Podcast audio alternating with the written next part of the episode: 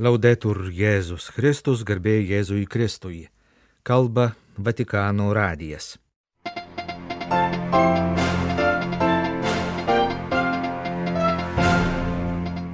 Popiežius vaizdo žinia kreipėsi į pasaulio jaunimo dienoms besirenginti jaunimą.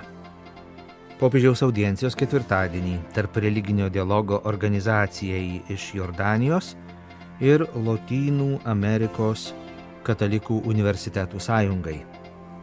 Valstybės sekretorius atstovaus popiežiui per karaliaus Karolio III vainikavimo iškilmės šeštadienį.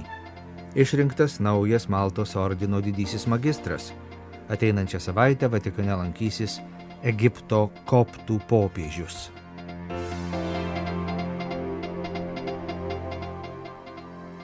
Queridos jóvenes, ustedes se están preparando para la Jornada Mundial de la Juventud. Faltan tres meses, me imagino las cosas que tendrán en la cabeza. Brangus jaunuoliai, jūs ruošitės pasaulinėms jaunimo dienoms. Iki jų liko trys mėnesiai. Įsivaizduoju, kas dedasi jūsų galvose. Kaip viską sudėlioti, kaip paprašyti atostogų, kaip įsigyti biletą. Trumpai tariant, sprendžiate daugybę rūpeščių, bet žvelgiate į horizontą, į viltį. Tai yra viltis gegužės ketvirtąją paskelbtame vaizdo sveikinime busimiems pasaulinių jaunimo dienų dalyviams, sako popiežius Pranciškus. Dalyvauti šiuose dienose yra gražus dalykas ir tai pajutus, pajuntamas ir džiaugsmas, kad gali juose dalyvauti. Pasiruoškite šiam džiaugsmai, pripildykite jį viltimi, nes per tas dienas jūs labai paauksite.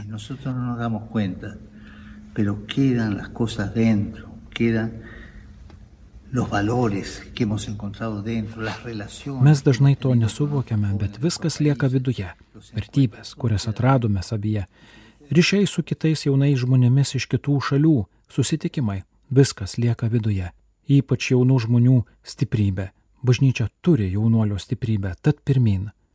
Viena paslaptis, norėdami gerai pasirenkti, turite pažvelgti į savo šaknis, pabandyti susitikti su vyresniaisiais pridūrė popiežius, o po to, anot jo, su senoliu išmintimi visada pirmin. Lauksiu jūsų Lisabonoje. Iki pasimatymo, sakė Pranciškus.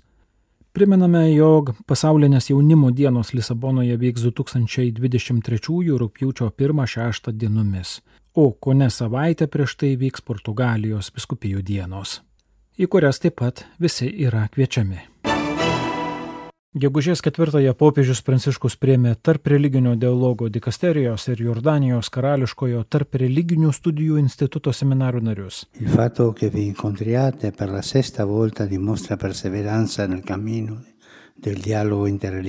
Šeštą kartą surenktas seminaras liudyja apie ištvermingas pastangas kalbėtis ir apie ištikimą draugystę, suartinusią įvairių žmonės, pažymėjo popiežius. Seminaro tema - kūrybingų panašumų islame ir krikščionybėje paieškos. Popiežius per audiencijoje dalyvavusi Jordanijos karališkosios šeimos nariai princą El Hasaną bin Talalą padėkojo Jordanijos karaliui Abdullahui II musulmonai už tai, kad globoja krikščionis ne vien savo krašte, bet ir visame artimųjų rytų regione. Nenuilstamai primena, kad jie čia gyvena nuo amžių ir pabrėžia, jog yra pilna verčiai regiono gyventojai. Panašiai ir karališkasis tarp religinių studijų institutas tarp savo tikslų užsibrėžė tirti ir saugoti arabų krikščionių paveldą. Artimieji rytai yra labai turtinga tautų, religijų, kultūrų, kalbų ir tradicijų mozaika. Kiekvienas jos akmenėlis yra vertingas ir saugotinas. Infatti, ognuno di noi.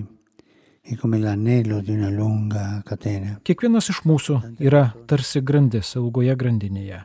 Daug žmonių jau nuėjo prieš mus gražių ir atsakingų susitikimo ir draugystės keliu, o kiti kaip tikimės ir melžiamės, eis paskui mus, vadovaudamiesi brolybės jausmu, kuris yra tautų santykių pagrindas, kalbėjo popiežius Pranciškus. Kad jūsų vedamas ir skatinamas dialogas būtų vaisingas, reikia nuširdumo ir abipusės pagarbos, suvokiant panašumus ir skirtumus. Pirmiausia, reikia skirti dėmesį tam, kas mus vienyje - religinių, dvasinių bei etinių moralinių lygmenių. Tokioje perspektyvoje pabrėžite daugelį bendrų vertybių vieno Dievo garbinimą maldą, pasninką, piligrimystę, gailestingumą dalymasi, rūpinimąsi mažiau turinčiais ir kenčiančiais - našlaičiais, našlėmis, ligoniais, pagyvenusiais žmonėmis, migrantais, pabėgėliais. Taip pat tikime, kad mirtis nėra pabaiga, bet kad yra kitas, amžinasis gyvenimas, kuriame atsiskaitysime Dievui už savo veiksmus, gausime atlygį arba bausmę. Todėl mūsų bendras įsipareigojimas yra geras gyvenimas, teikiantis šlovę Dievui ir džiaugsmą tiems, kuriuos sutinkame savo žemiškojoje piligrimystėje, sakė popiežius Pranciškus. Susitikimo pabaigoje audiencijos dalyviams pridūręs, jo gerai atsimena neseną žemės drebėjimą Turkijoje ir Šiaurės Sirijoje, nuo kurio nukentėjo daug mūsų brolių ir seserų, musulmonų ir krikščionių. Melskime už juos ir kuo labiau stengiamės jiems padėti, sakė popiežius. Popiežius Pranciškus ketvirtadienio audiencijoje pasveikino Lotynų Amerikos katalikiškų universitetų organizacijos suvažiavimo dalyvius, palinkėdamas, kad katalikiški universitetai taptų misionieriškais. Pasak jo, organizacijos narių rankose yra didelė atsakomybė tiek už Lotynų Amerikos ir Karibų dabartį, tiek už ateitį. Esto hace que la organización goce de solidez, en el trabajo académico y a la vez que tenga en sus manos una gran responsabilidad. Popiežius pažymėjo, kad Lotynų Amerikos katalikiškų universitetų organizacija yra labai solidi. Jai priklauso 115 aukštojo mokslo institutų, juose mokosi pusantro milijono studentų, dirba 110 tūkstančių dėstytojų, vykdoma 5000 akademinių programų visais lygmenimis ir ši organizacija yra didžiausia tarptautinės katalikiškų universitetų federacijos narė. Misijos vykdymas įkvepia bažnyčią, ją skatina veikti, yra jos vargas ir atlygis, pasakė Romos vyskupas Pranciškus, linkėdamas, kad Latino Amerikos katalikiškos akademinės institucijos, tiek kaip pavienės institucijos, tiek kaip universitetų tinklas, galėtų tapti visame pasaulyje vertinamais tyrimų centrais. Y si yo tuviera que traducir ahora la palabra misión en ámbito académico, usaría el vocablo investigación. Pasak Pranciškaus, jei reikėtų žodį misija išversti į akademinės aplinkos kalbą, jis rinktųsi žodį tyrimas. Mat tyrinėtojų mąstymas ir jausmai misionieriški, sakė popiežius no se conforma con lo que tiene, va a buscar. El misionero conoce la alegría del Evangelio. Misionierius nesitenkina tuo, ką turi, o išeina ieškoti. Jis žino, kas yra Evangelijos džiaugsmas ir jis nenurims tol, kol kiti nepatirs šio džiaugsmo. Todėl jis palieka savo įsitikinimų ir įpročių tėvynę ir iškeliauja į neatrastas vietas. Jis žino Evangeliją, bet nežino, kokius vaisius ji duos svetimoje dirboje. Būtent įtampa, susikurianti tarp žinojimo ir nežinojimo, jį verčia eiti pirmin ir saugoja nuo įsitikinimo, kad jau viską žino. Jis žino, bet leidžia, kad jį nustebintų tai, ką dar sužinos. Misionierius moko kitus ir pats mokosi, įsitikinęs, kad visi gali kuo nors kitus pamokyti. Panašiai ir tyrinėtojas, jei jis nenori eiti ir mokytis, nepasieks nuostabių žinių, taip sužalodamas savo intelektą. Labai liūdna sutikti inteligentiškus vyrus ir moteris, kurių intelektas sužalotas. Maltos ordino laikinasis vadovas kanadietis Fra Jonas Dunlapas išrinktas naujoju ordino didžiuoju magistru. 66 metų vienuolis brolis Fra Jonas Dunlapas, 81 Maltos ordino didysis magistras, išrinktas Romoje gegužės 3 dieną dešimties metų kadencijai. Išrinkimo dieną Fra Džonas Dunlapas davė priesaiką popiežiaus ypatingajam delegatui Maltos ordine kardinolui Silvanų Tomazijai, švenčiausiosios mergelės Marijos bažnyčioje ordino būstinėje ant Romos Aventino kalvos ir pranešė popiežiui Pranciškui apie įvykusį išrinkimą. XI amžiuje Jeruzalėje įkurtas Maltos ordinas vykdo humanitarinius ir pagalbos vargstantiesiems projektus 120 pasaulio kraštų. Ordinas yra šventajam sostui pavaldi vienuolinė institucija ir suverenus tarptautinės teisės subjektas, palaikantis diplomatinius ryšius su ES ir šimtų valstybių, taip pat su Lietuvos Respublika. Valstybės palaikančios diplomatinius ryšius su ordinu didžiajam magistrui pripažįsta valstybių vadovams skirtas prerogatyvas. Fradžionas Danlapas, pirmasis ordino vadovas iš užjūrio, atsiliepė į pašaukimą ordinę slaugydamas AIDS ligonius kardinolo Kuko katalikų medicinos centre Harleme, New York'e. Ir maždaug 30 mečius toje ligoninėje tęsė tarnystę. 2009 metais išrinktas ordino suverenios tarybos nariu buvo pakartotinai patvirtintas šiuose pareigose, iki kol 2022 metais buvo popiežiaus paskirtas laikinuoju Maltos ordino vadovu. Šventojo sostos spaudos tarnyba pranešė, kad Vatikano valstybės sekretorius kardinolas Pietro Parolinas atstovaus popiežiui Pranciškui karaliaus Karolio III karūnavimo iškilmėse Westminsterio abatijoje šeštadienį, gegužės 6 dieną. Karaliaus vainikavimo iškilmės liturginėje dalyje dalyvaus Westminsterio katalikų arkivyskupas kardinolas Vincentas Nikolsas. Jau prieš kelias savaitės popiežius Pranciškus padovanojo karaliui Karoliui III dvi nedidelės šventojo kryžiaus daleles.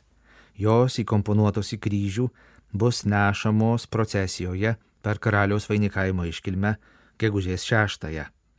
Balandžio pradžioje šventasis sostas per nunciatūrą Londone perdavė tikrojo kryžiaus relikvijos fragmentus. Karaliui Karoliui III Anglijos bažnyčios aukščiausiam valdytojui kaip ekumeninį gestą Anglikonų bažnyčios Velse šimtmečio proga. Po karaliaus karūnavimo iškilmių kryžius su relikvija priklausys Velso anglikonų bažnyčiai, tačiau juo galės naudotis ir Velso katalikų bažnyčia.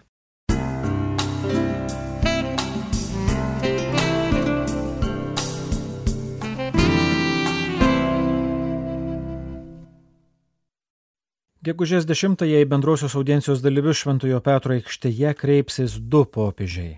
Kaip įprasta, popiežius Pranciškus ir Tavadrosas II, Egipto koptų ortodoksų bažnyčios patriarchas, kuriam taip pat tradiciškai taikomas popiežiaus titulas.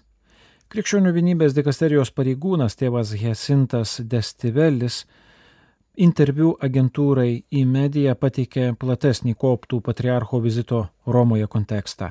Jis yra skirtas paminėti 50 metų sukakti nuo pirmojo Romos popiežiaus ir koptų patriarcho susitikimo bei kartu švęsti koptų ir katalikų draugystės dieną. Galima priminti, jog katalikų ir koptų bendruomenių keliai nutolo po Halkedono susirinkimo ir per 15 šimtmečių jų vyriausiai ganytojai nesusitiko. Kaip pažymė Dominikonas Hecintas Destivelis, Santykiai atšilo per Vatikano antrąjį susirinkimą, į kurį buvo pakviesti koptų stebėtojai ir ypač po jo, kai koptų patriarchas Kirilas IV pakvietė Paulių VI į Kairą dalyvauti naujos katedros inauguracijoje. Tuosik Paulius VI negalėjo nuvykti į Egiptą, bet ta proga gražino Šventojo Morkaus, kurį koptai ortodoksai laiko savo bažnyčios teigėjų relikvijas. IX amžiuje venecijiečių priklių atgabentas į Italiją.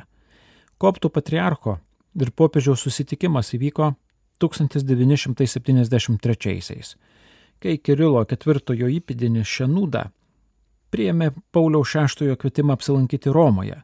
Ta proga buvo pasirašyta kristologinė deklaracija išsprendusi nuo Halkedono susirinkimo buvusi nesutarimą, žaidusi beje ne vien santykius su koptais, bet ir su kitomis rytų bažnyčiomis.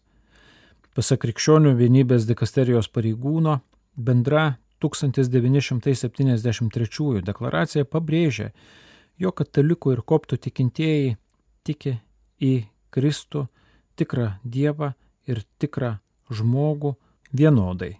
Šis istorinis susitarimas vėliau tapo pavyzdžių ryšių atgaivinimui su kitomis bažnyčiomis - Sirijos, Armenijos, Sirų Malankarų.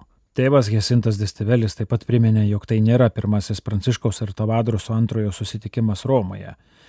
2013-aisiais pastarasis jau buvo atvykęs į miestą, abu popiežiai buvo neseniai išrinkti, tai buvo pirmoji koptų patriarcho kelionė už Egipto ribų ir jos metu buvo paminėta 40 metų sukaktis nuo pirmojo popiežiaus bei koptų patriarcho susitikimo ir nuspręsta kartu minėti bendros draugystės dieną bei keistis sveikinimo žiniomis.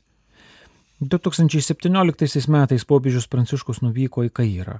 Šio vizito metu pasirašyta bendra Silovadinė deklaracija, kurios dėmesio centre abipusis krikšto pripažinimas ir mišrios santokos.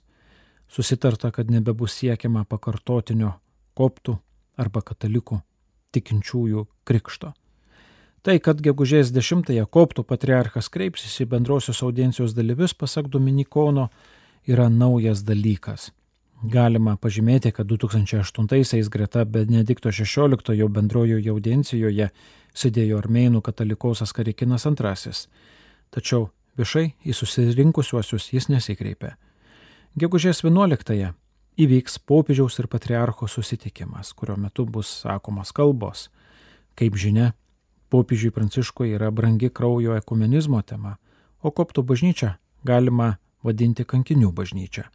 Pakanka atsiminti 2015-aisiais Libijoje ISIS nužudytus koptų krikščionių kankinius.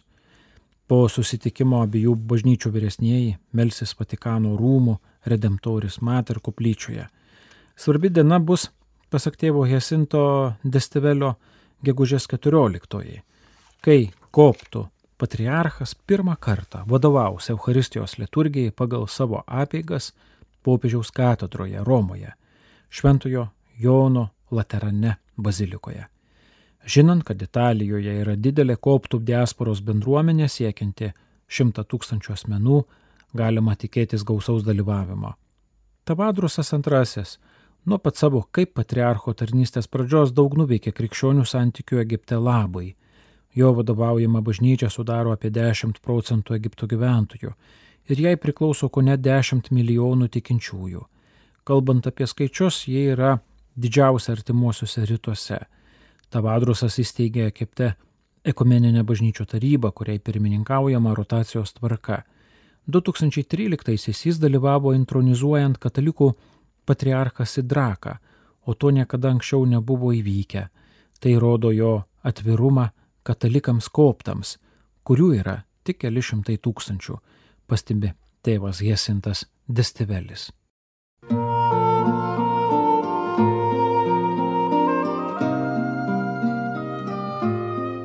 Kalba Vatikano radijas. Mėlyjeji klausytojai, primename, kad Vatikano radio laidų jūs galite klausytis ne tik per Lietuvos radio kanalą Klasika ir Marijos radiją, bet ir per mūsų interneto radiją kurio galima klausytis mūsų interneto portale.